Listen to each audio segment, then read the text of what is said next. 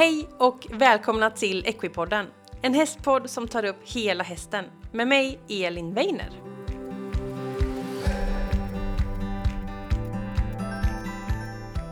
Äntligen ett nytt avsnitt av podden och jag vet att du har längtat efter ett nytt avsnitt, för det har jag gjort.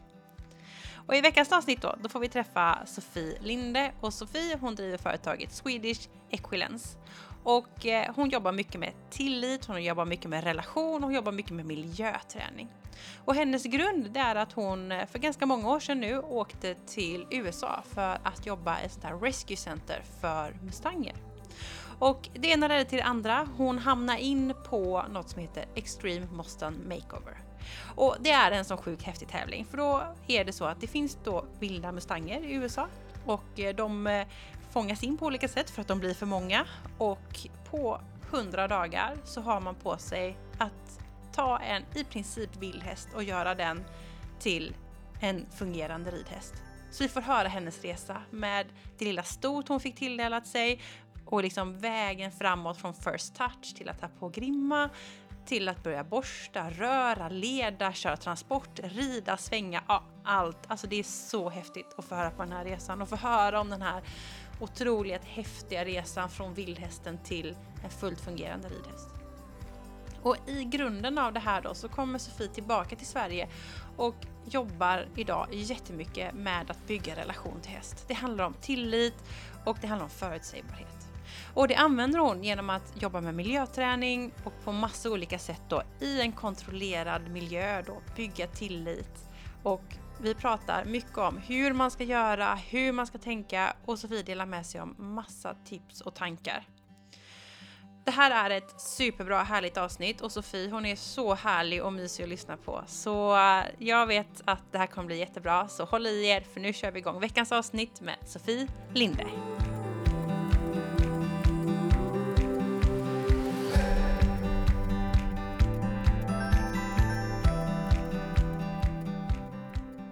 Så, då vill jag hälsa välkommen Sofie Linde. Hej Sofie! Hej, tack så mycket! Långt bort, vi är på distans idag. Vart är du någonstans? Eh, jag befinner mig i Rosersberg som ligger utanför Stockholm nära Upplands Väsby mot Arlanda till. Just det. Eh, och jag finns ju då i Göteborg som jag brukar göra. Men eh, vi ska ju prata häst och vi ska ju prata om massa spännande saker för du har gjort mycket roligt i ditt liv Sofie och jobbar, vi ska komma in på det, vad det är som är det roliga där jag syftar på. Eh, men vi ska väl landa lite grann i typ tillit till häst och miljöträning. Och du driver ju företaget som heter Swedish Equilence där du erbjuder träning i just de här sakerna, eller hur? Det stämmer bra, det gör det. Eh, och jag hörde lite att du tar hade någon häst hemma också, så lite träningar iväg och lite kurser och sen så ta emot någon häst också, förstår jag. Ja, precis. Jag försöker blanda liksom ganska mycket. Eh, lite lektioner, lite kurser av olika slag eh, och nu har jag precis flyttat till, eh, till en gård eh, som jag hyr in mm. mig på eh, i en lägenhet ovanpå stallet eh, och har möjlighet att ha liksom, träningshäst här. Mm. Vilket är superkul att kunna lägga liksom, dedikerad tid till en och samma häst i liksom, månadsvis. Då. det är roligt att se utvecklingen där som kan bli av det. Coolt! Det blir spännande ja, att se framåt vad det, kan, vad det kan bli för någonting. Exakt. Ja. Men ehm, ja, vi ska prata det här med tillit och miljöträning och en grund i det, det är att du har ju faktiskt varit i USA och gjort en jättestor tävling som vi ska komma till eh, snart. Men kan inte du bara börja med att berätta vem du är och vart hästlivet började och hur det har tagit dig dit du är idag? Absolut. Du gör så många bra cliffhangers tycker jag. Precis, jag har gjort massa nu. ja, exakt. Flera stycken. Um, jo, men uh, jag har växt upp liksom precis som många andra uh, på vanlig svensk ridskola uh, med engelsk ridning eller vad man ska kalla det. Mm. Och lite medryttarhästar och sådär. när jag var ung har alltid dragits till både hästar och hundar egentligen. Mm. och tyckte att det har varit väldigt roligt. Jag vet att när jag var liten. Liksom. Mm. Exakt, och jag vet att när jag var liten så om vi skulle träffa kompisar till mig som hade hundar då var jag mer så intresserad om hundarna skulle följa med än kanske mina kompisar. så, jag känner inte alls igen mig där. nej, precis, utan jag var liksom så, ja, väldigt liksom djurkär ända sedan jag var ja. liten. Och ja, ja, men har fått höra, tror jag, ganska länge att eh, men jag har något så speciellt lite mm, band eller känsla för hur, eh, hur man kan kommunicera med, med djur liksom, eller hur man kan förstå djur. Eh, Mm. så. Ehm, så att jag växte upp med det och eh, ville väl alltid, hade väl alltid någon dröm om att försöka åka över till USA och eh, bli involverad där med hästar på något sätt och uppleva ranchlivet lite. Mm. Och 2013 var det första gången jag var där och då hade jag sommarlov från universitetet Mm. och åkte över i en månad till ett ställe som heter Wild Horse Rescue Center Mm. Som jobbar för då att eh, ja, men rädda och rehabilitera vildhästar, mustanger eh, Mm. som har hamnat snett eh, i livet. Så. Mm. Eh, Och då åkte jag dit som volontär och fick lära mig om eh, livet på landet i USA och eh, hur man börjar och hur man kommunicerar med både med mustanger som har råkat ut för liksom, traumatiska upplevelser med människor men Mm. också med mustanger som bara, eller bara inom citationstecken, men som är liksom vilda och aldrig har haft erfarenheter med människor överhuvudtaget. Det måste ju varit så häftigt. Ja, och det öppnade liksom upp väldigt mycket ögonen för mig. Jag hade med mig dit eh, från liksom erfarenheter från Sverige och från liksom min tid med hästar här och en massa liksom sanningar eller vad man ska säga som jag trodde på eh, Mm. och som jag så här, tog för att så här, men det här, så här är det. Eh, typ eh, hästar är svåra att lasta, de är rädda för massa saker, de har svårt att stå still, det går inte att rida ut själv, eh, de skenar alltid om man rider över en äng. Alltså så här, massa sådana liksom, så föreställningar som jag ändå hade fått med mig. Ehm, fått med mig tycker jag från min, min tid med hästar här i, i Sverige liksom. Eh, Mm. Som ifrågasattes på ett positivt sätt när jag kom till USA. Just det. Mm. Och vilket år var du där? Eh, det var 2013, eh, så det var, det var ett tag sedan nu. Nej. Men det, det är en sån där liten dröm man har att, att se vilda hästar. mm. Mm. Det, ja men det, verkligen. Ja, det känns som att det är verkligen sån där eh, Ja, alla hästflickors eh, eller hästpersoners hjärta på något sätt.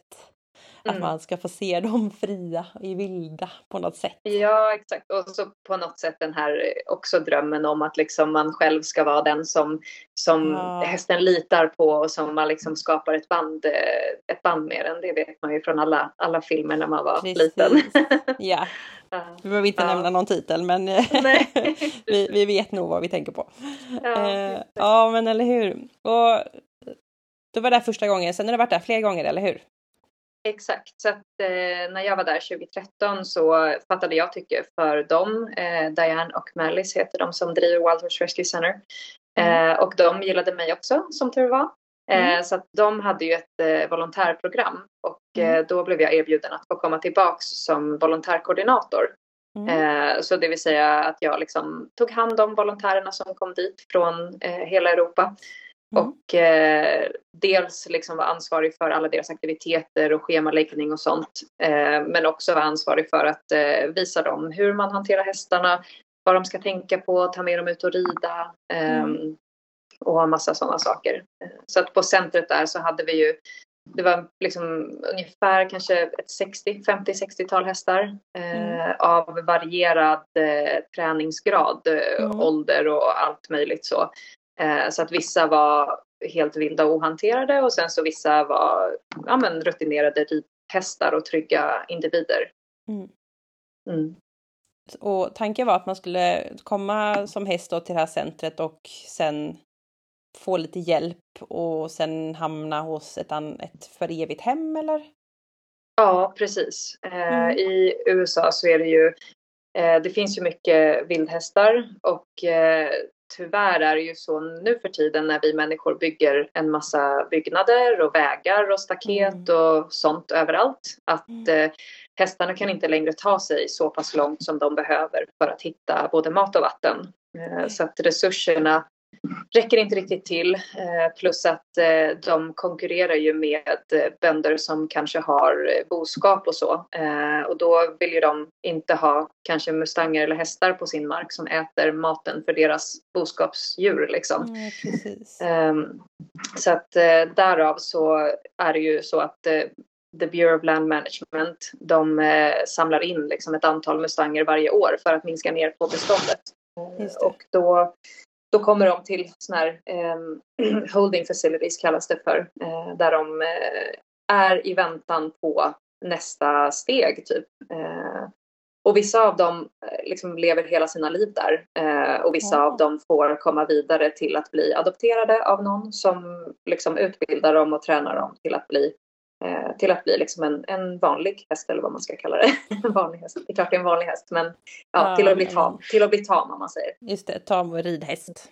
Ja, precis. Eller, eller, ja. eller annan träningsnivå, liksom, ja. vad man nu än väljer. Precis. Vi, vi, mm. Man måste inte rida en häst bara för att ha en häst. Eh, Nej, precis. Liksom, utan vi, man kan göra väldigt mycket med en häst.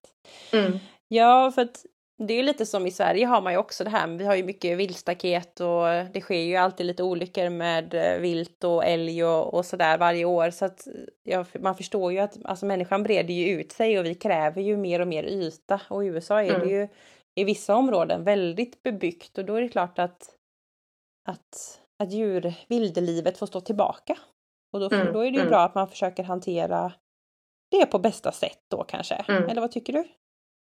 Jo, det, och jag, jag, är inte superinsatt nu i exakt liksom allt de har eh, gjort eller försöker göra på andra sätt. För att jag tror att de har även provat eh, till exempel att jag vet inte om de har provat att kastrera hingstar eller om de har provat att liksom ge stona någonting som gör att det inte blir lika många föl. Eh, mm. Eller på liksom annat sätt eh, minska det här beståndet. För problemet blir ju att när alla de här hästarna hamnar i eh, liksom hos staten eller vad man ska säga i de här stora eh, faciliteterna. Mm. Det är ju liksom mm. någon som ska mata dem och allt det här. Mm. Så att eh, det går ju en massa, eh, det kostar massa pengar och det är inte så jämfört med jämfört med livet ute i det vilda så är ju det livet för mm. Mustangen inte så kul. Eh, att få gå i en dammig paddock liksom med ett stort antal andra Mustanger. Mm. Eh, så. Ja. Så att, eh, ja. Ja men så är det ju. Ja men det, det, det är en väldigt svår fråga. Ja, verkligen. Det är det. Helst av allt skulle man ju önska att hästarna skulle kunna få vara i det vilda eh, mm. liksom, och få leva där. Eh, ja. Så. Verkligen. Och, mm. och det här då, ditt arbete där, det ledde ju fram till den där lilla cliffhangern som jag har hintat lite om då. Kan du inte berätta om det? Eh, jo, men jag hade spenderat en del eh, tid där på centret och lärt mig liksom mer och mer om kommunikation och, och framförallt kommunikation med vilda hästar. Mm. Och eh, vi var iväg på en tävling som kallas för Extreme Mustang Makeover eh, som mm. publik och tittade liksom på den här tävlingen. Eh, och jag, eh, och lite kortfattat då, så tävlingen går ut på att det är ett antal deltagare som får hem varsin eh, Mustang som är helt vild från början. Mm. Och sen mm. så har de hundra dagar på sig att träna dem. Mm. Eh, och efter hundra dagar så kommer de till den här tävlingen. Eh, vilket är en tävling som pågår eh, oftast i ett par dagar. Mm. Med flera olika klasser som man då ska tävla i. Ehm, och sen så på slutet av den tävlingen så adopteras hästarna ut till nya då Forever Homes för dem. Mm. Eh, så att eh, vi var där och tittade och jag sa lite skämtsamt att eh, ja men det där ska man väl vara med på liksom. eh, varav jag fick hejarop då från de som var med och tyck, de tyckte absolut att jag skulle anmäla mig. Ehm, och då blev det så att jag gjorde det. Mm. Och, ble, och blev dessutom antagen, vilket jag inte hade kanske räknat med från början. Men det var väldigt roligt att det, att det blev så och att jag fick genomföra det. Ja, det är ju, det är ju så uh, häftigt. Och vi sa det lite, Extreme Mustang Makeover, det är lite amerikanskt. Mm, exakt, Namnet, det ska liksom. vara extreme.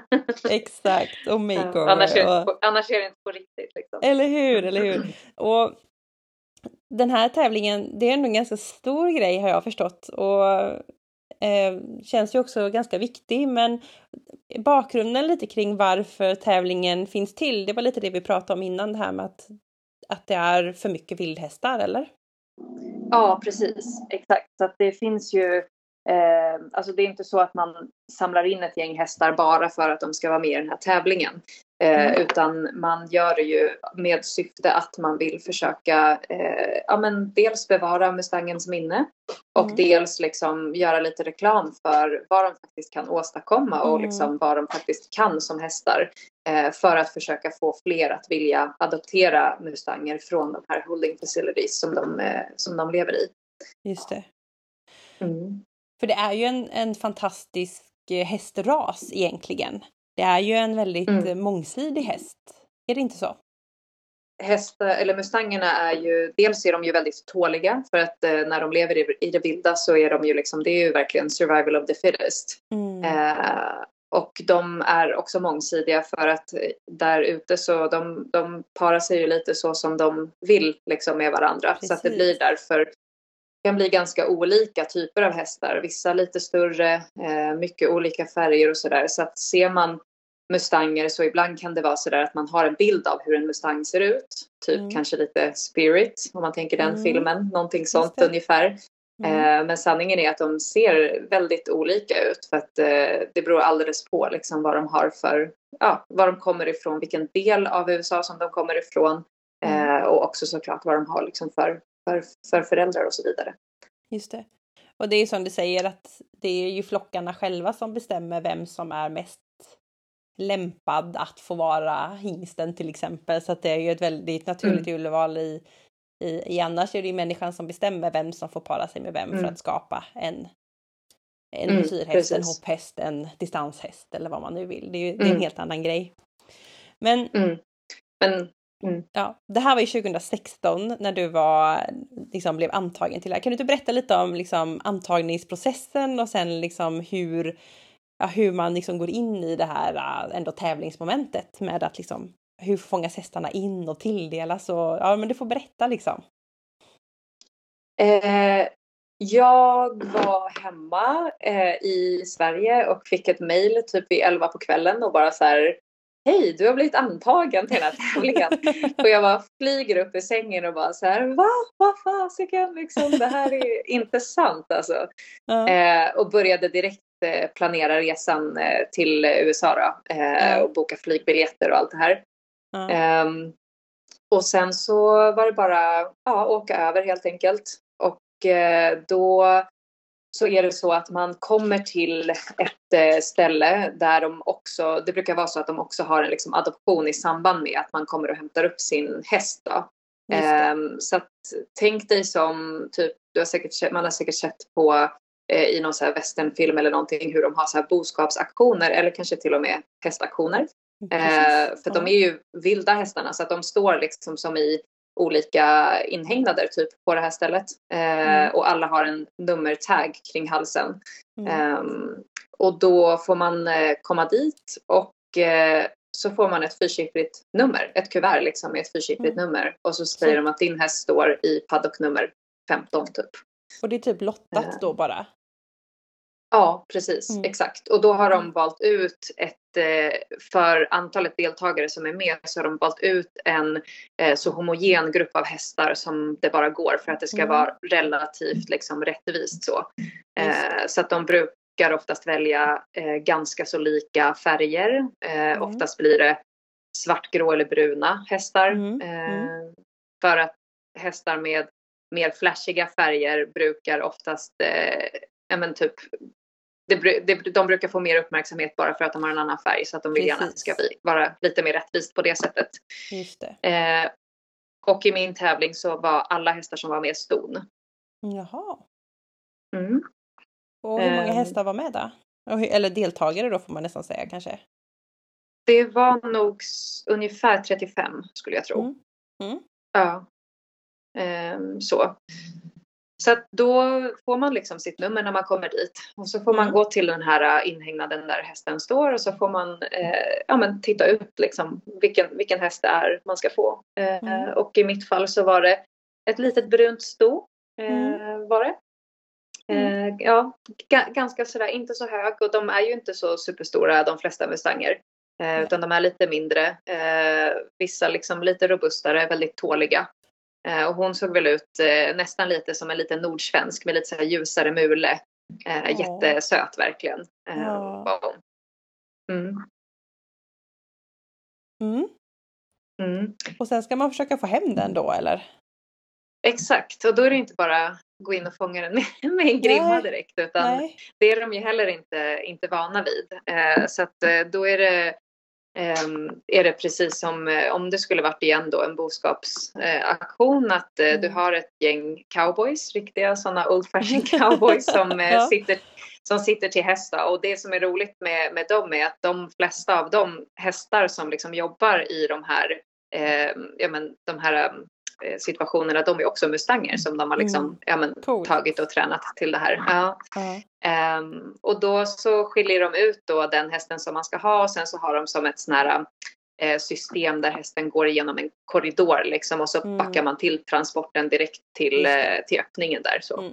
Eh, och i, i vårat fall så skulle vi ha med oss, eh, Rescue Center tog med sig ett par andra hästar också i samband med det här. Så att hon Mm. behövde inte åka själv. Eh, Mm. Och då har vi en stor sån här öppen eh, livestock trailer kallas det för, Mm. som, där de åker lös allihopa. Så att de Precis. sitter liksom inte fast där utan de, de transporteras precis som om det vore boskap så. ja. Men det har man ju sett i Sverige också när man kör kor eller får eller någonting så är det ju bara en stor sån trailer som Mm. man åker i. Men Exakt varifrån kom de här hästarna? Har de blivit infångade precis eh, eller kom de från ett sånt här holdingställe eller har de blivit infångade väldigt nyligt eller liksom eh, ja, var kom de ifrån? Ehm, min, om jag inte minns fel så hade min varit infångad i kanske något år typ. Så att hon kom från en sån här holding facility. Så att det är inte så att Mm. de kommer direkt från, eh, från liksom att de har blivit infångade så. Utan Mm. de väljs oftast ut ur en sån här holding facility. eh, Mm. Så. Mm. Just det. Och, och sen då så, ja, så då fick du, fick du med den här lilla, lilla, lilla stot då och köra Mm. hem och vad, vad hände sen? Eh, sen så, eh, det här var ju i januari så att, eh, och det var i Florida. Eh, så att vädret var liksom, det, det är då det är som kallast i Florida då, vilket är inte så superkallt men ändå lite sådär krispigt i luften. Eh, Mm. Så jag minns eh, första morgonen efter att vi hade kommit hem och då hade vi lastat av dem så hade de fått gå in och få liksom hö och vatten och sådär i en inhägnad tillsammans med de Mm. två andra hästar som vi tog med från eh, adoptionen då. Mm. Eh, och eftersom att jag hade flugit från Sverige ett par dagar innan så hade jag lite jetlag och Mm. var uppe tidigt eh, före alla andra. Och det var så här magisk liksom, morgon. Det var, Mm. Solen hade precis gått upp och började så värma lite, lite grann. Och det var helt knäpptyst på gården och alla hästar var så lite, ja, men lite morgontrötta och bara liksom, det var Mm. väldigt stilla så. Mm. Ehm, och jag gick in i hagen där bara med hästarna och liksom bara var där en stund liksom och, och väntade och såg om det var någon av dem som skulle vara lite nyfiken och vilja komma fram. Eh, för det är inte alls självklart att de vill göra det. Det beror alldeles på liksom vad de är, eh, Mm. ja, vad de har varit med om så sen tidigare. Ja. Eh, och så. så att, eh, men hon var lite nyfiken och sådär och kom fram och så lite väldigt försiktigt liksom sträckte fram näsan och sniffade lite på mig och undrade vem jag var. Typ. Ja. och det var riktigt så magisk, eh, magisk känsla var det. Mm. ja. Och sen hade du då hundra dagar på dig att ja, att eh, make over den här lilla hästen då. Eh, Ja, och precis. det är väl det liksom, där får man ju bygga, börja på något sätt och bygga den här tilliten. Eh, berätta hur Mm. du gjorde i de första perioden om man tänker jag antar bara att få komma fram och sätta på en, kanske en grimma eller borsta. Alltså det måste ju bara vara jättemycket steg för att komma dit, eller? Ja, det stämmer. Det är ju liksom ingenting med det här egentligen som man kan ta för självklart eller som man kan liksom tänka sig att hästen ska vara från början okej med. Mm. Ehm, utan man får verkligen ta det steg för steg och jag tror att det absolut viktigaste är väl att eh, ja, men vara väldigt observant på vad jag hela tiden liksom väldigt observant på. Så här, men vad, liksom, hur känns hon? Eh, och bara när det kändes som att hon var liksom okej med att jag gick till nästa steg så kunde jag ta det steget vidare. Mm. Eh, för där kommer man in lite på, på tillit liksom att så här, i början, speciellt med en vildhäst, så om du går för fort fram eller om du pushar för mycket eller om du liksom på något sätt hamnar lite fel i kommunikationen, det kan rasera så himla mycket för du har liksom, du startar verkligen på noll om man säger. Eh, Mm. Kanske jämfört med en, en tam häst eller en domesticerad häst som har vuxit upp med att folk har kommit ut i hagen och kliat den på rumpan som föl och de Mm. ändå har en ganska positiv bild av människor. Mm. Eh, men den här hästen har ju från början liksom ingen erfarenhet alls egentligen. Nej. Eh, så i första perioden så är det ju det absolut första som man eh, vill ha är the first touch som man kallar det för. Som man Mm. kallar det för, som det heter, som, som man kan Mm. säga. Mm. Eh, och eh, det handlar om att eh, det är första gången som hästen eh, frivilligt rör vid mig. Mm. Eh, så att det är inte egentligen first touch i att så här, jag ska röra vid henne utan det är att jag kanske sträcker fram en hand och hon faktiskt vågar sträcka fram nu, mulen och, och undersöka min hand lite grann. Mm. Mm. och sen därifrån får man försiktigt och steg för steg bygga vidare.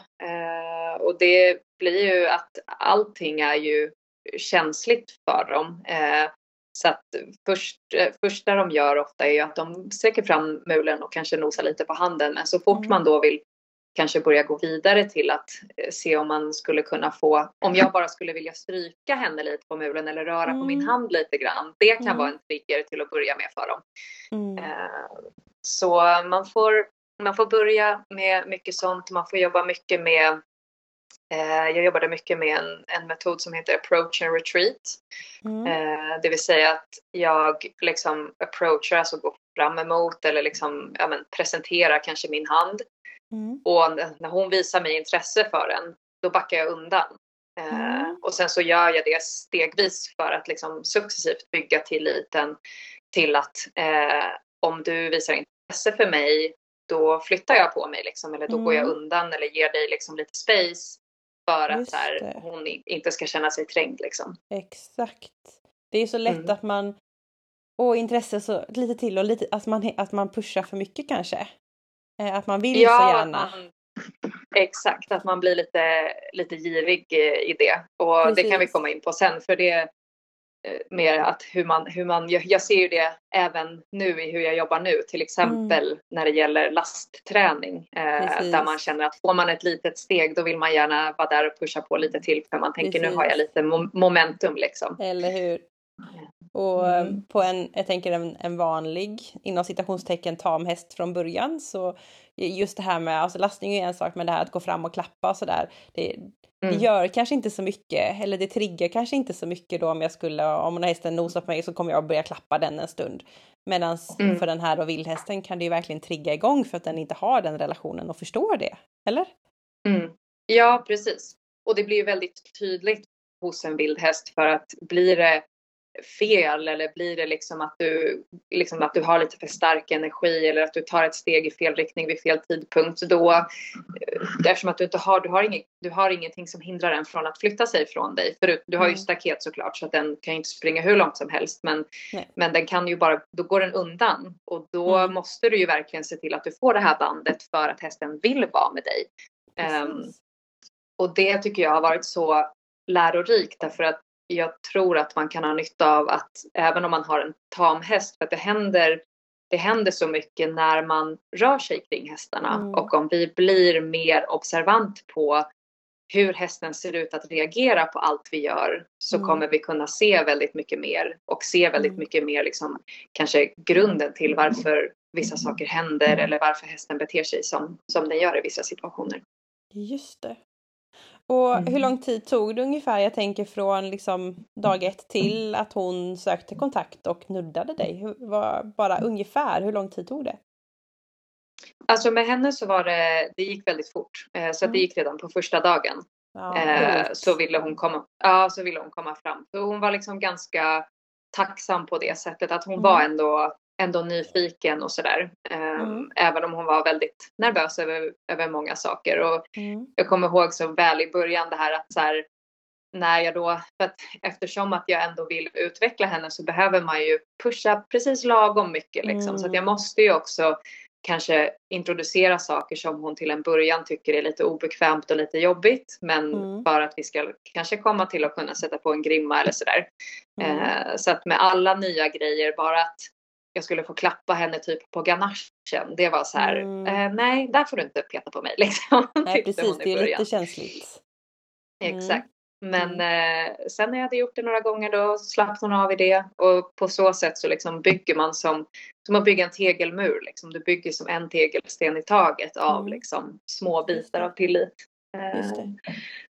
Så att eh, då, det, det gick redan på första dagen och sen Mm. därifrån så började jag liksom ta det vidare och mitt första mål efter den här first touch var att jag ville få av henne den här nummertaggen som hon hade Ah. runt halsen. För att jag ville, jag ville att hon skulle bli för mig eh, en individ och hon skulle få känna sig som att hon var en individ och inte bara sitt fyrsiffriga nummer liksom. Mm. Mm.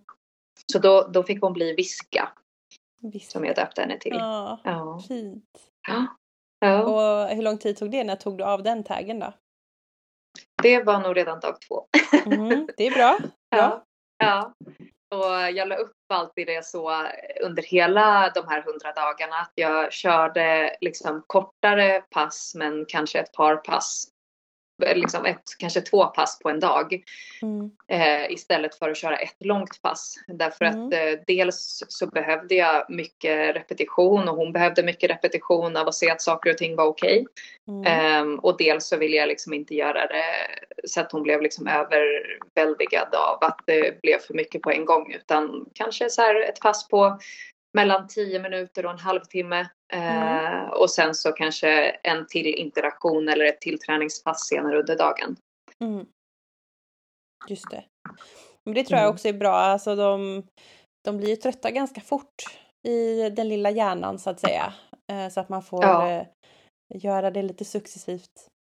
Men Ja, verkligen. Och det är också det där med liksom att bli girig. Att så här, det är så himla lätt Exakt. att, att fångas av det här av att det går så himla bra så jag vill Mm. göra lite till. mm, Och då riskerar du så mycket att, eh, att förstöra det istället. För att man, Mm. man gör något så går det bra, bra, bra. Och sen kanske det går lite sämre och då kan man ju Precis. kanske helst inte sluta då heller. ja, Eh, så. precis. Och då kan det komma ett stort bakslag istället så får man börja Mm. några steg bakåt. Eh, Mm. Men jag måste mm. bara fråga, har man med liksom, ja, nu säger jag muta inom citationstecken då med typ mat eller godis eller någonting som, eller är det bara att hon ska söka kontakt till dig som individ? Eh, det är faktiskt lite ro roligt för att de flesta mustanger från början, de äter inte ens kraftfoder. Nej, Än som man ger det till dem. Eller det godis. kan man förstå. För de, Vad är det de liksom? fattar de har inte, de har inte, det, är inte, det är inte som i Spirit när det finns äppelträd där de liksom plockar äpplen Nej, till varandra.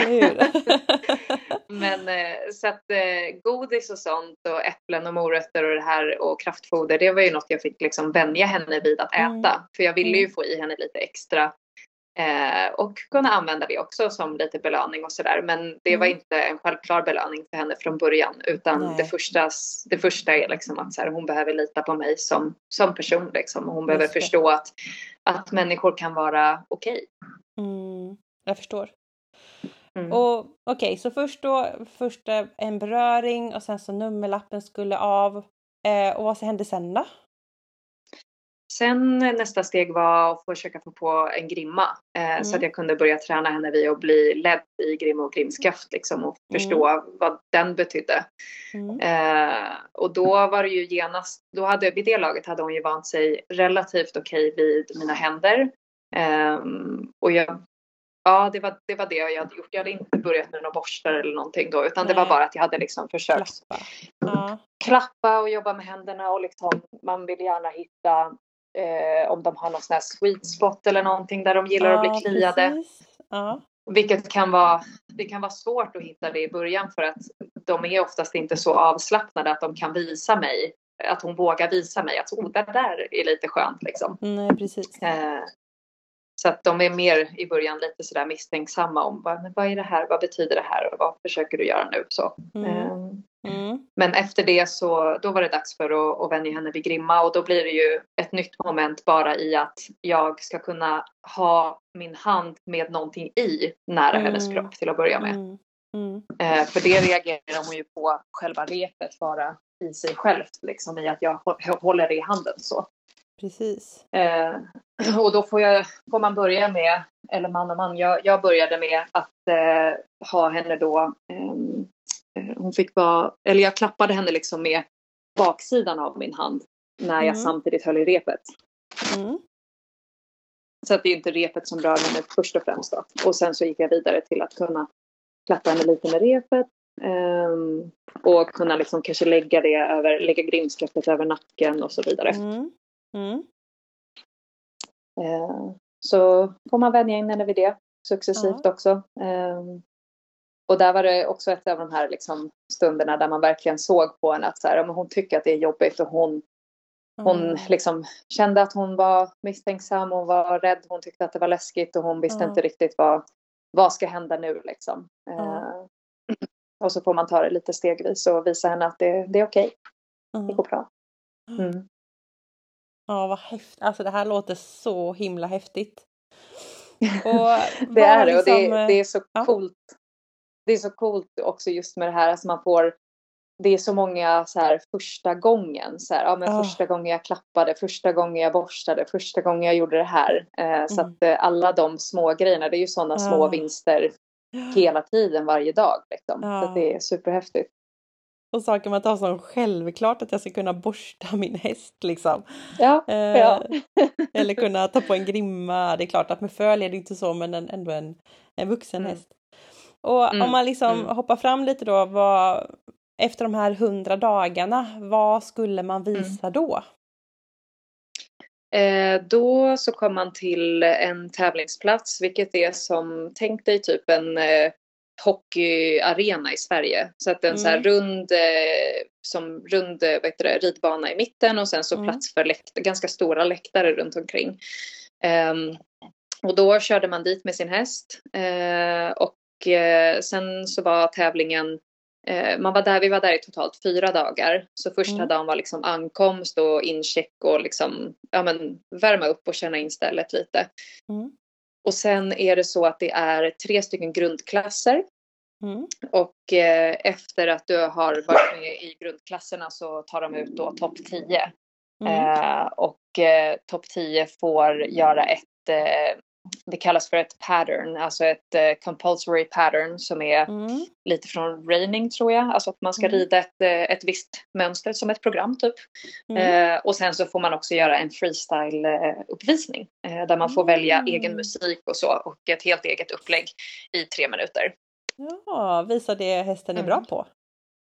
Exakt, precis. Och försöka visa så många olika moment som det bara går såklart. Mm. Alltså jag tänker bara så här, gud från att follas in i det här släpet eh, dag mm. A, hämta hem hästen till att kunna ha på sig då träns och bett eh, eller mm. bettlös eller någonting. Eh, sadel, mm. kunna transporteras och ridas på en ny plats. Alltså det är ju mm. alltså det är, så, det är så stora krav så det är helt otroligt. ja, verkligen. Det och det gick gissar jag. Ja, det gick eh, jättebra. Mm. Eh, och jag gjorde ju liksom under alla de här hundra dagarna så fick jag ju dels så fick jag ju liksom, ja men jag red ju liksom in henne och allting och sen så försökte jag också åka så fort hon kändes redo för det så åkte jag liksom till nya platser och, och gjorde massa sådana saker så att hon kändes väldigt, väldigt väl förberedd när ja. jag kom dit. Och jag hade ju tränat som en, som en tok liksom. Eh, ja. tillsammans med henne och spenderat alltså, timmar varje dag eh, ja. tillsammans med henne. Inte timmar varje dag och träna men liksom umgås och ja, vänja henne vid, vid alla, alla, alla, alla grejer. Eh, så att, eh, men det är väldigt utmanande och det är det som är så otroligt häftigt vad inte bara jag kunde liksom göra med henne men också när man tittar på alla andra deltagare och mm. vad som faktiskt är möjligt att åstadkomma efter mm. en relativt, det är ändå bara tre drygt månader ja. eh, som man har på sig. Eh, ja. så. så det är superhäftigt. Vad mycket det kan bli. Och sen mm. eh, så eh, fick eh, lilla Viska ett, ett hem, eller hur? Ja, det stämmer. Eh, så att hon fick flytta till ett par i Ocala i Florida. Mm. Eh, där hon bor fortfarande. Eh, oh. Och eh, de bor på en superfin, eh, det, det, är typ som en, ja men det är ju som en ranch typ. Fast det ser mer ut som en så här välmanikurerad villa-tomt. Typ, okay. Med hur alla deras gräsmattor är så här superperfekta. Men hon går på i så här stora gräshagar tillsammans med oh. två hästkompisar. Eh, och de rider henne och ja, men njuter av henne som liksom sin eh, typ hobbyhäst kan man säga. De rider ut mycket i skogen. Eh, ibland rider de och föser lite kossor och lite sådana Mm. saker. Ja. Det låter ju helt fantastiskt. Vet du hur gammal hon var Ja. ungefär? Det kan ju vara lite svårt att beräkna på hästar ibland. Eh, ja, hon var, hon är 11 nu. Mm. Eh, Så 2016 var hon fyra eller fem kanske. Mm. Ja, då är hon fortfarande Ja. ganska ung då ja. Ja, precis. Ja, ja. Ungefär. Man kan inte riktigt veta exakt. Ja. Men ungefär. Nej, de bedömer ju de bedömer på tänderna när de fångar Ja. in dem. Gör de. Eh, och så får de ju det här frysmärkningen. Eh, och där Mm. står det ju eh, vad de har för ålder. Just det. Just det. Eh, enligt då den här tandläkaren som har tittat på tänderna. Precis. Gans, ja, precis. Ungefär. Mm. Ja, ja men eh, alltså så himla häftig resa och det är ju, det känns ju väldigt kul att det ändå finns. Det kan låta så himla, ja men ja, det ska tävlas och det ska vara på en viss tid och det ska vara showigt och sådär men det är ändå ett väldigt fint syfte när man tittar på det och alla hästar som hamnar hos de här människorna som lägger alla de här tusentals timmarna på de här dagarna liksom. Mm. Ja, och jag blev faktiskt väldigt positivt överraskad för hur klimatet var när jag var på själva tävlingsplatsen eftersom att det var min första tävling. Mm. Eh, och eh, det kändes som att så här, det var ett community typ och eh, alla var där och så här, hejade på varandra verkligen. Mm. Det, var, det fanns liksom inte så här, eh, någon rivalitet på det sättet som det kan finnas på andra tävlingar utan alla liksom klappade för varandra och vad man hade uppnått med sina hästar. Eh, och bara sådär för att det känns som att det är folk som deltar i den här tävlingen känns som att det är människor som brinner för eh, dels brinner för Mustangerna men också brinner för liksom ehm, ja, men för att, att hjälpa hästar att bli bättre och tryggare och bara liksom att få en solid och bra grund så. Just det. Eh, Så det var, det var också väldigt häftigt att få uppleva det. Ja, jättefint. Och, Mm. och det du lärde dig där, det förstår jag att du tagit med dig nu hemma i Sverige när det kommer till träning, för du jobbar ju mycket med, ja, med miljöträning och eh, liksom att, att använda tillit som ett verktyg, eller hur? Eller att Mm. använda miljöträning för att bygga en tillit till hästen, kanske jag ska säga. Ja, precis. Exakt. Eh, så att jag kan nog tacka Viska för eh, egentligen typ väldigt mycket av det jag gör Ja. idag. Ja. Eh, att eh, det blev så liksom. Eh, för hon någonstans bevisade för mig dels så här, min egen förmåga eh, och dels att så här, det är ingen fråga om ifall jag ska jobba med hästar eller inte. Så. Utan, och sen så också bara så här själva grejen av vad faktiskt går att uppnå eh, med en häst. Eh, om, man, om man jobbar på det liksom riktigt ordentligt. Mm. Mm. Mm. Och vi kan ju komma in lite då för att eh, alltså, man kan prata hur länge som helst om liksom den här eh, tävlingen och det här sättet och hela resan fram till från den här totala vildhästen till en ridhäst. Det går att prata jättemycket Mm. om. Men jag tänkte att vi Mm. skulle gå in lite mer liksom konkret och titta liksom på för att vi har inte vildhästar i Sverige. och de som har häst här, de har ju en tamhäst som är uppavlad för att vara ridhäst. Eh, eller vad Mm. man nu gör med sin häst. Så det, det är en helt Mm. annan situation. Och Mm. Jag tänker lite att bygga tillit, eller att hästen ska ha tillit till dig, det är ju ändå någon slags grundfaktor för att allting runt om ska funka. Om jag Mm. säger liksom till dig att att en häst eller att hästen ska ha tillit för mig. Vad innebär det för dig och hur skulle du beskriva hur det kan se ut eller uttrycka sig när en häst har tillit till sin ägare eller ryttare? Nej men jag har eh, lite liksom grundpelare kan man väl säga i eh, men vad det innebär för mig att vara, alltså så här, att vara en bra person för min häst typ. Mm. Ehm, och jag brukar säga att jag strävar lite efter att vara som en riktigt bra förälder. Mm. Eh, eller en bra coach till exempel. Eh, det vill säga att det måste finnas väldigt mycket kärlek till hästen liksom, och till allt det vi gör. Eh, men det krävs också att så här, jag är ju ändå någonstans ansvarig för att visa hästen eh, hur den ska bete sig i samhället typ och hur den ska Mm. bete sig i en relation som är mellan häst och människa. Och precis som vi lär våra barn hur de ska bete sig ute i samhället och hur de ska bemöta varandra och andra medmänniskor eh, så behöver vi lära hästarna hur de ska bemöta oss människor. Mm. Eh, för att hästen kommer alltid i, liksom så här, i mångt och mycket kommer den alltid försöka bara agera som en häst. Eller i alla situationer egentligen. Eh, och där är det lite upp till oss att, att lära hästarna att så här, men till exempel om det kommer en plastpåse flygande då kanske inte det är läge att eh, sparka bakut, bocka så högt du kan och springa åt andra Nej. hållet. Men det vet ju inte hästen. Det är klart Nej. att den blir livrädd liksom i början. Eh, Ja. Så att då någonstans är det vårt ansvar att eh, visa dem liksom så här, Mm. men visa dem hur de ska reagera genom att jag visar eh, hur jag reagerar. Om man säger Just så. det. Mm. Eh, Så att jag strävar väldigt mycket efter att vara en person som för hästen är värd att lyssna på. Mm. Eh, Så att jag försöker liksom, ja, men ställa rimliga krav, eh, ge beröm och se när hästen försöker göra rätt. Och inte bli för girig som vi pratade om tidigare. Mm. Eh, att verkligen tänka på att ha ett så pedagogiskt upplägg. Mm. Så att man ser att, så att jag är medveten om liksom, att men jag har lärt hästen alla steg på vägen mot det här. Eh, Jag Mm. hoppar inte direkt till någonting som är för svårt utan jag har liksom förberett hästen och jag vet att den kan klara av det. Mm. Ehm, och självklart vara superkonsekvent är också viktigt för att hästen ska känna tillit till att så här, men jag är alltid samma person.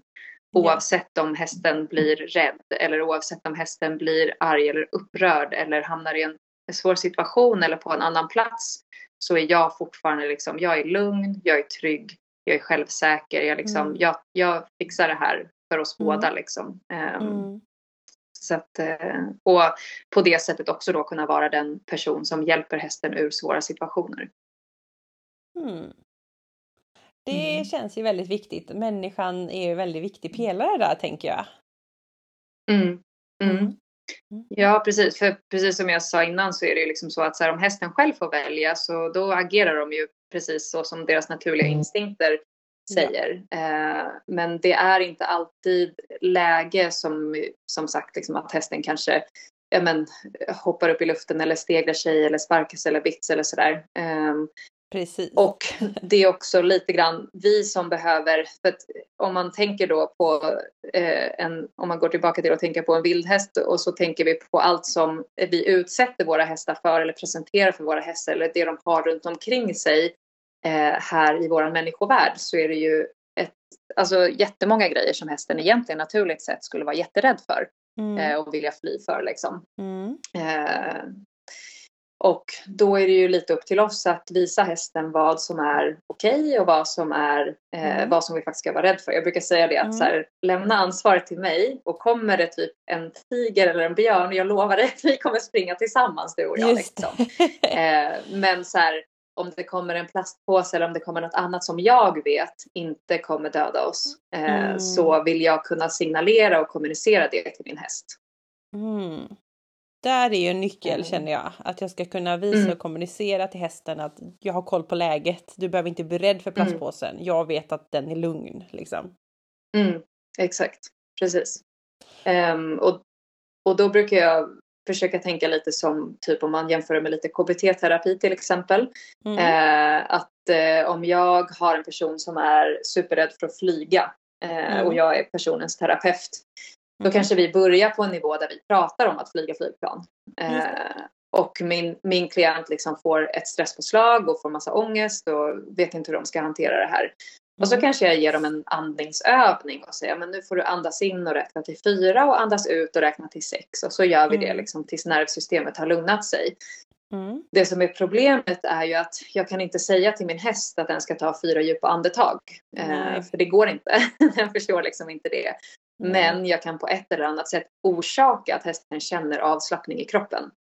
Mm. Eh, genom att antingen flytta på den eller be den att liksom röra sig på ett visst sätt eller be den att inte röra sig. Det vill säga att Ja. jag kanske ber den att stå stilla eller jag ber den att backa eller jag ber den att böja sig eller jag ber den att göra liksom någonting som gör att den kanske koncentrerar sig lite mer på mig och känner avslappning i kroppen. Eh, och samtidigt som den gör det får känna då att faran över. Att den här plastpåsen inte kom och dödade oss eller den blev inte så Mm. farlig som de hade trott. Mm. Just det. Det är ju väldigt bra Mm. tips. Mm. Liksom en, eh, att man kan arbeta på det sättet liksom. Eh, och lite mm. i steg då som du sa är viktigt. Och att kunna läsa mm. av hästen kan jag tänka mig är viktigt också när den går upp i stress, eller? Ja, det är också jätteviktigt. Eh, och eh, det kan ju vara lätt att se på en häst som eh, har väldigt nära till flykt till exempel. Eh, mm. Då är det ju inga konstigheter att se att den blir rädd för något för att den springer försöker springa ifrån det eller för skyggar för eller sådär. Mm. Eh, sen kan det finnas hästar som fryser istället. Att de liksom mm. ser någonting läskigt och bara stelnar till och fryser fast. Mm. Eh, och blir svåra att flytta på istället. Eh, och en sån häst kan ibland tolkas lite som att den är liksom lite envis och lite istadig och så. Eh, mm. när det egentligen igen, liksom i grund och botten handlar om osäkerhet och rädsla. Mm. Mm, mm, mm. Och jag tänker att om man då kanske lyssnar nu och så känner man att ja men eh, min häst är rädd för mycket saker och den flänger sig lite till höger och vänster och eh, kan vara svårt att vara iväg på tävling kanske eller vid uteritter och sådär.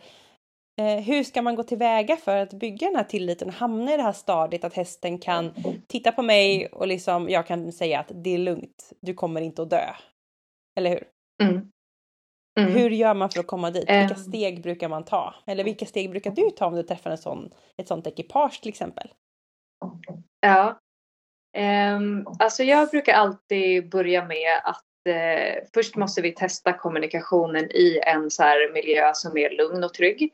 Mm. Eh, så att jag börjar alltid eh, min träning där jag inte har några liksom, läskiga saker med överhuvudtaget. För att mm. det, det som behöver hända i första läget är att jag behöver få en förståelse för hästens kroppsspråk. Hästen mm. behöver få lära känna mitt kroppsspråk. Eh, och mm. sen i liksom, det tredje steget är ju den här emotionella biten liksom, där vi försöker hjälpa hästen lite med vad gör du när du blir rädd? Um, och i första steget så brukar jag känna på egentligen tre stycken av de mest grundläggande sakerna som jag tycker att en häst behöver kunna och kunna riktigt, riktigt bra. Mm. Är att den måste kunna gå framåt, den måste kunna gå bakåt och den måste kunna stå stilla. Mm. Eh, så det är liksom de tre, alltså tre så grundpelare verkligen. Mm.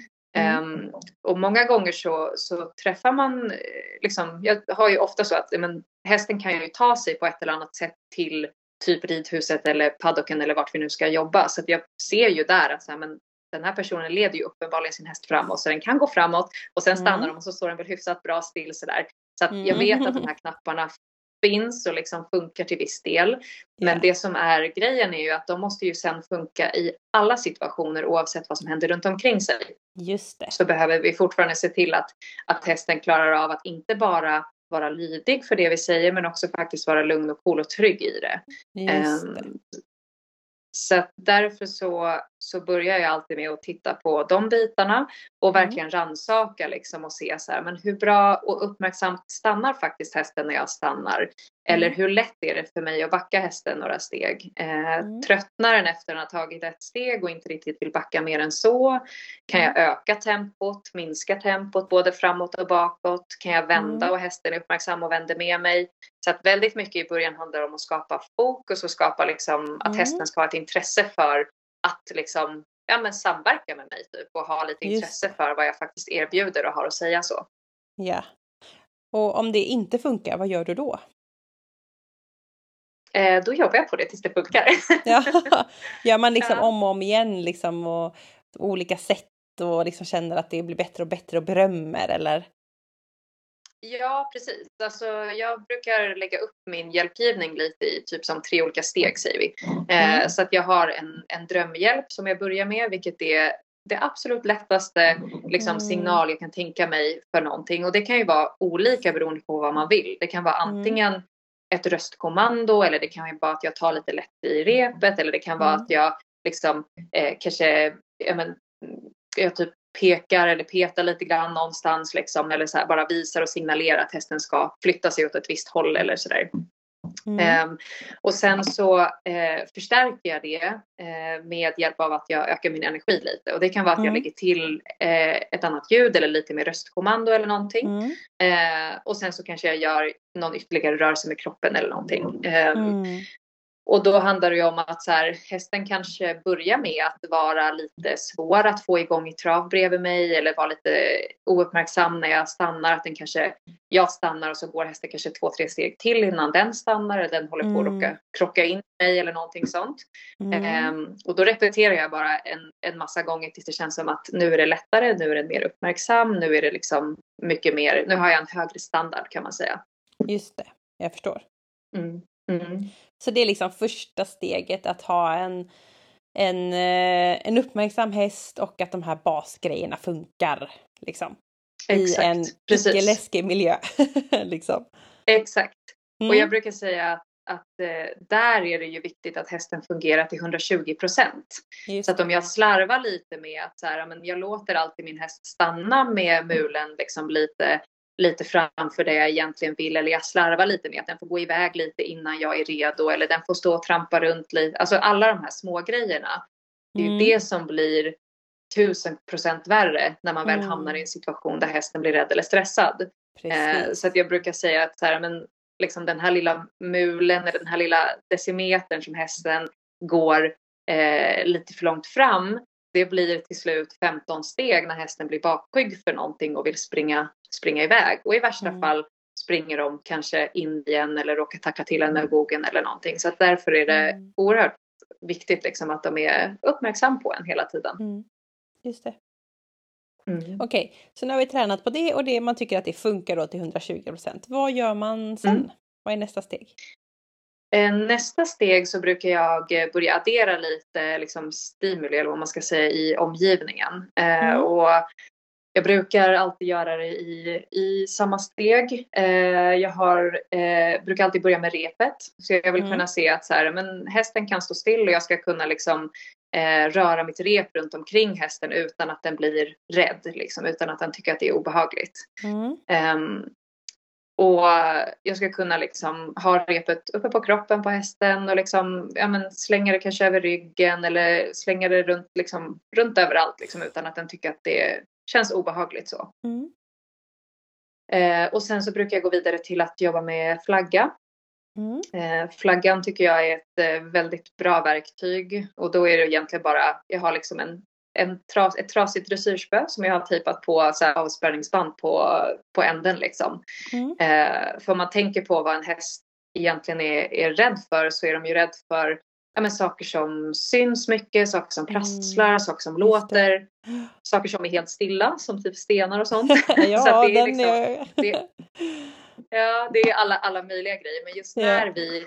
För det, det, det jag försöker uppnå i det här är ju någonstans att i en kontrollerad miljö där jag Mm. kan bestämma förutsättningarna för hur jobbigt eller läskigt det blir för att jag ska kunna Mm. anpassa det till hästens Mm. reaktion.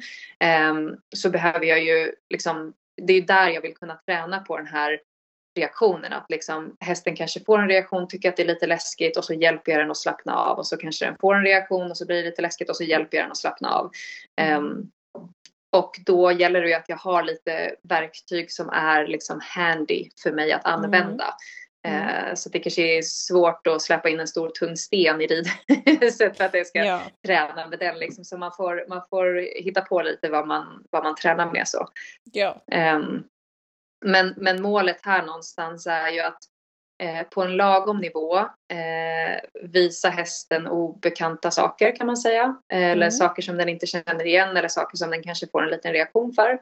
Eh, och sen visa och hjälpa hästen till avslappning, nyfikenhet, eh, självsäkerhet istället för att de kanske väljer att ta till flykt eller, eller fight eller freeze. Eh, Ja. så. Och att det ska liksom bli att den ska vara närvarande med dig då gissar jag.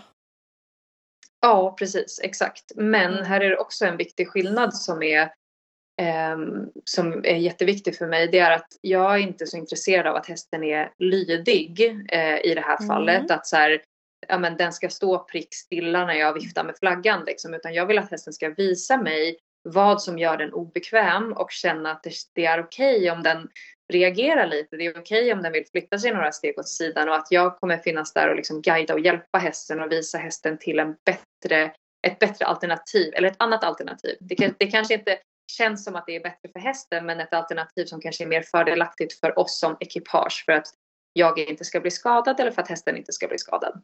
Ja. Det känns ju ändå viktigt. Eh, mm, superviktigt. Mm. Man ser ju ofta folk som kanske hamnar i situationer som blir faktiskt farliga när man inte har tränat på det här. Mm. Och jag tänker att um, vad är det för vinst? Alltså, jag tänker att en vinst att träna lite sådana här saker med tillit och miljöträning eh, är ju just att man inte ska hamna i situationer som är farliga, att man ska kunna hantera nya situationer bättre. Har jag tänkt rätt mm. då? Ja, det gör du absolut. Eh, för det handlar liksom inte om att jag vill kunna checka av att så här, men nu är hästen van vid mitt rep eller checka mm. av att nu är hästen van vid min flagga. Mm. Utan det handlar just om att så här, när hästen känner ett stresspåslag av något slag, hur ska den då själv hantera sig och hur kan den få hjälp av mig att hantera sig? Eh, och samma sak för mig, för mig själv och för min egen skull, liksom att utmana sig själv i att men hur reagerar jag när min häst blir rädd? Liksom? Mm. Blir jag alldeles eh, liksom reaktiv och nervös eller orolig mm. eller blir jag frustrerad eller arg på hästen när den försöker reagera? Liksom? Mm. Eh, så att, att verkligen träna sig själv och hästen i, i obekanta situationer. För att vare sig vi vill det eller inte så kommer det komma i det verkliga livet, i riktiga världen så kommer det komma massa saker som hästen kommer kunna bli rädd för. Yeah. Och därför så tycker jag att det är så här, det är verkligen, verkligen allas vårt ansvar att förbereda hästen för det här så mycket som möjligt. Mm. Eh, så det, det är typ det som är miljöträning för mig. Eh, det mm. handlar inte om att jag vill eh, liksom att jag ska vänja hästen, hästen vid en massa olika saker eh, eller så, utan det handlar om att jag vill lära hästen ett sätt att hantera jobbiga situationer. Liksom. Mm. Eh, mm. och, och att den liksom kan, kan ha ett lite ett annat sätt som är säkrare för oss båda att reagera på eh, mm. när det väl händer någonting sånt. Mm. Alltså mm. så intressant och um, det har ju varit lite andra prat i podden och du nämnde också att vissa hästar kan ha nära till flykt, de reagerar på ett sätt, vissa kanske är mer introverta och reagerar på ett annat sätt. Men mm. om jag skulle ha en häst då som reagerar kraftigt och då tänker jag flykt. Eh, kanske mm. kasta sig upp med ögonen, den här uff, andningen. Mm. Vad ska jag som människa göra då i den akuta situationen? För jag tänker att det är ett långsiktigt träningsarbete med en sån typ av häst, det förstår jag ju. Men mm. om det händer, vad har du för tips om man är ute och går med hästen och så händer det här för att det är en sten eller mm. något annat mm. som kan vara läskigt? Vad ska jag göra? Alltså det är precis som allting annat, det är jättesvårt att svara på liksom eh, ja. att så här, ja, men gör alltid så här i alla situationer. Men jag brukar försöka vara väldigt observant på vad hästen har en tendens till att kanske vilja göra. Så om hästen hamnar i panik och liksom vill kanske springa, eller så här, meningen är ju inte kanske att vi ska hamna i den situationen utan vi ska träna oss för den innan. Men om vi mm. väl är där och det känns som att så här, nu är hästen verkligen uppe på, den, den tycker att någonting är superläskigt. Eh, då vill jag gärna så snart jag kan gå tillbaka till att kanske göra några av de här första övningarna som både jag och hästen känner igen. Mm. Eh, att till exempel kanske be hästen att backa några steg, gå framåt några steg, backa några steg, gå framåt några steg och sen mm. låta den stå still en stund och kanske få en release. Och sen kanske vi kan närma oss det här som är läskigt och vi kanske eventuellt, kan gå fram och titta på det eller nosa på det. Mm. Um, men där handlar det om eh, ofta att så här, gå tillbaka till de här enkla basic övningarna så att jag kan påminna hästen om så här, hej det här kan du. Det är mm. okej okay, liksom. Du, mm. du, du är okej, okay, jag är okej. Okay. Eh, jag har koll på att det här mm-hmm. är, inte är någon fara. Men det som mm. händer väldigt ofta i en sån situation det är ju att vi som människor också, vi liksom reagerar på hästens reaktion. Eh, och då kan man reagera, då några av de två vanligaste som jag ser är att antingen reagerar man med att bli passiv, det vill säga att man blir helt förstenad och bara så här, ah, jag vet inte vad jag ska göra. Ja. Eller också reagerar man genom att bli frustrerad eller arg för att man blir ja, rädd. Precis. Och så blir man liksom, då ska man börja kanske korrigera hästen och säga åt den att så får den inte göra. Mm. Och där måste man liksom någonstans behålla lugnet. Och mm. så här, om hästen försöker springa ner mig. Eh, jag kommer inte bli arg på den om den försöker göra det. Men jag kommer försöka kanske få den att ta något steg tillbaka till exempel. Mm. Eh, eller om hästen försöker springa baklänges för att den är rädd för något som är framför en. Mm. Ja, men då kanske jag försöker eh, inte liksom dra och hålla emot och försöka hindra den från att backa. Men jag kanske finns där och stöttar den tills den hittar och tar ett steg framåt till exempel. Mm. Eh, så det gäller att hela tiden visa hästen att så här, jag ser att du blir rädd. Jag kommer mm. vara samma person. Och kom ihåg det här som vi har lärt oss sedan tidigare. Mm. Um, och har vi inte de här grund basic övningarna och att vi verkligen har tränat oss på dem och att vi har tränat oss på dem i också andra situationer. Då är det jättesvårt. Det, det, då blir man ofta sådär att man, man reagerar på ett negativt sätt kanske. För mm. att man inte vet vad man ska göra. Så man bara liksom, man försöker själv också överleva i den här situationen. För mm. att man kanske inte vill att hästen, alltså så här, såklart vill man inte få hästen över sig eller vill att den ska slita sig eller att den, det ska hända någonting farligt liksom. Nej precis, det är väl det som är rädslan att man vill att det inte ska hända något. Mm, Kanske med hästen exakt. eller med sig själv. Men det låter som att det är lika Verkligen. mycket träning av människa som av häst i det här. Det är det. Eh, många gånger så kommer folk på mina kurser eh, och liksom så här, tänker sig kanske mer att de är där för hästen. Alltså de är där för att hästen ska lära sig saker. och sen så, så brukar det, allt eftersom att kursen går så brukar, de, brukar man inse liksom att så här, shit vad mycket jag jag påverkar och om uh -huh. jag bara gör så här så blir det, eh, blir det mycket, mycket skillnad liksom. Så att mm. eh, man påverkar otroligt mycket. Mm. Och sen är det ett samspel såklart. Alltså det är klart att ja. hästen måste lära sig eh, liksom vissa saker också. Men, eh, men man påverkar väldigt mycket själv, det gör man. Ja, eller hur? Och att de här um, träningarna är ju inte bara då som vi sa här att hästen ska lära sig hantera miljön utan att man ska lära sig ett samspel och att hänga med varandra som du så fint sa. Det, det tycker jag var väldigt mm. bra. Så jag ville bara säga det en gång till. Upprepa dig lite mm. Sofie. Ja. ja. Nej men det här, det känns ändå viktigt och det känns som att som sagt alla har vinster av sån här typ av träning också. Men räcker mm. det att man liksom typ eh, går en kurs eller gör lite träningar och att det sen att man liksom kan jobba med det successivt hemma sen att liksom underhålla eller är det något man behöver påminna om hela tiden? Alltså det, um, för mig som gör det här dagligen liksom så mm. är det ju ett så naturligt inslag i vardagen. Mm. Och då blir det ju nästan som att om man går till exemplet med den här träningshästen som jag har här. Mm. Eh, så jag tränar ju mycket miljöträning och så med honom. Eh, men det är också att så här, allt som dyker upp där han kanske eventuellt blir rädd, säg att jag eh, typ går till ridhuset och han ser en sten som han reagerar på. Ja men då mm. stannar jag till där och så säger jag så här, nice då tränar vi här liksom. Mm.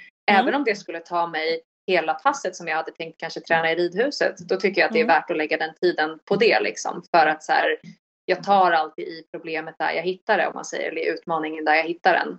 Um, och det tror jag att, att många liksom kanske missar lite för att man, man är så um, mållåst på liksom mm. att så här, men den här agendan har jag idag.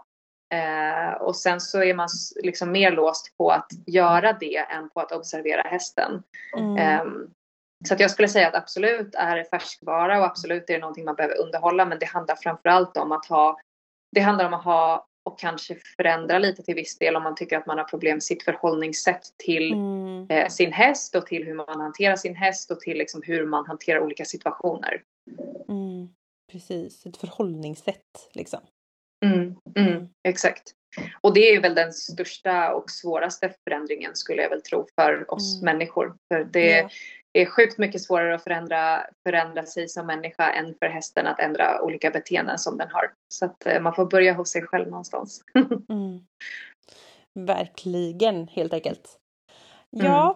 Sofie, nu har vi pratat på superlänge som vanligt. Eh, det, och det, det, var så himla intressant, framförallt det här med den här Mustang eh, makeovern, för det tycker jag var jättekul att verkligen få lyssna lite på. Och mm. man, när man hör den berättelsen så inser man ju hur mycket svåra saker våra hästar gör varje dag. Eh, mm. Och hur fantastiska de är mot oss. Och mm. hur vi kan liksom lära oss av den här vildhästen, hur vi kan kanske få en bättre relation och hur vi kan förstå och hjälpa hästen på ett bättre sätt. Och det har ju du tagit tillvara på så fint i, i din filosofi och i din träning, tycker jag. Mm. Mm. Eh, så jag tänker att det är dags att runda av eh, det här avsnittet. Mm. Men om man tyckte det här var intressant, hur kan man göra för att komma i kontakt med dig eller följa dig? Eh, jag finns på både Facebook och på Instagram. Eh, mm. Jag är nog mest aktiv på min Facebook tror jag. Mm. Eh, och då kan man förenkla mitt, jag har ju valt ett lite svårt namn, Swedish Equilence. Så mm. man kan söka på Swedish EQ mm. och så kommer man till min sida där. Precis. Och sen kan man också gå, gå in på min hemsida Swedish Equilence eller swedisheq.se. Mm. Och då hittar man till, till min hemsida och där finns också lite både på Facebook och på hemsidan finns lite aktuella eh, kurser och sådär. Eh, och jag befinner mig ju i Stockholmsområdet liksom till vardags och mm. har lektioner och så. Eh, ja, bara, liksom på vardagar och sådär. Eh, mm. Som jag åker runt och åker ut. Eh, både åker ut och faktiskt kan ta emot för lektioner här eh, hemma mm. nu faktiskt. Sen i november. Mm. Ja. och så har jag liksom en, jag har en, en träningshäst i taget har jag. Eh, mm. Så att jag har möjlighet att ta in häst för träning. Mm. Eh, och sen så har jag lite kurser också, helgkurser. Och då mm. brukar jag åka lite längre. Så att då har jag nu i vår eh, har jag en i Sparreholm och sen så har jag en i Skåne och en i Falkenberg. Så att där kommer jag liksom, tar jag mig ut lite, lite längre ut i landet om man säger. Precis, precis. Mm. Och så att både sådana här vanliga engångsträning och sen helgkurs. För helgkurs, då hinner man ju lite mer på, eller hur?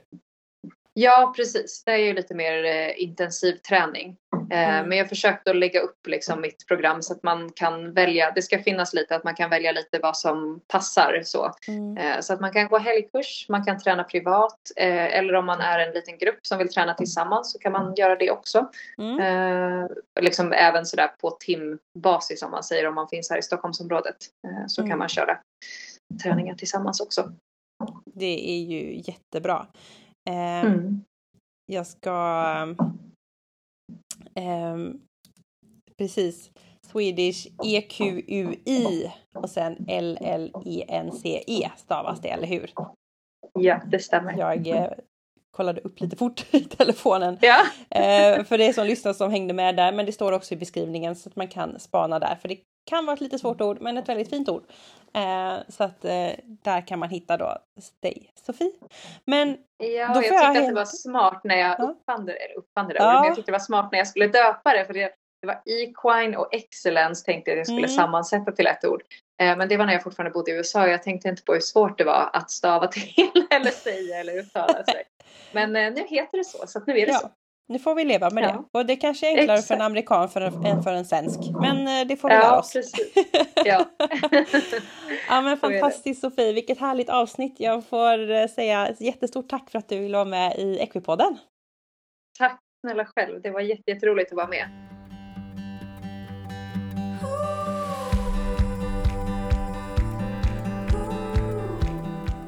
Ja, vilket himla härligt avsnitt. Och eh, jag fastnade lite vid den här Mustang Challenge för den var så intressant och den här makeover och ja, det var ju bara så häftigt att få lyssna på. Och man får sån otrolig insikt i hästens vilja att göra allt för oss. Och det här naturliga. Jag tyckte det var så häftigt så att, eh, jättestort tack Sofie för att du la med i Equipodden och att få lyssna på ditt sätt att arbeta på det var också superintressant och jag tar med mig många saker från det här avsnittet eh, framåt i min hästhantering helt enkelt. Och eh, stort tack för att du har lyssnat på det här. Nu när du har lyssnat får du jättegärna gå in och följa Equipodden på sociala medier och du får också jättegärna lämna en recension där du har lyssnat så att fler kan hitta till podden. Och eh, ja, jag ska inte dra ut på det här längre utan jag önskar dig en härlig vecka så hörs vi snart igen. Hej då!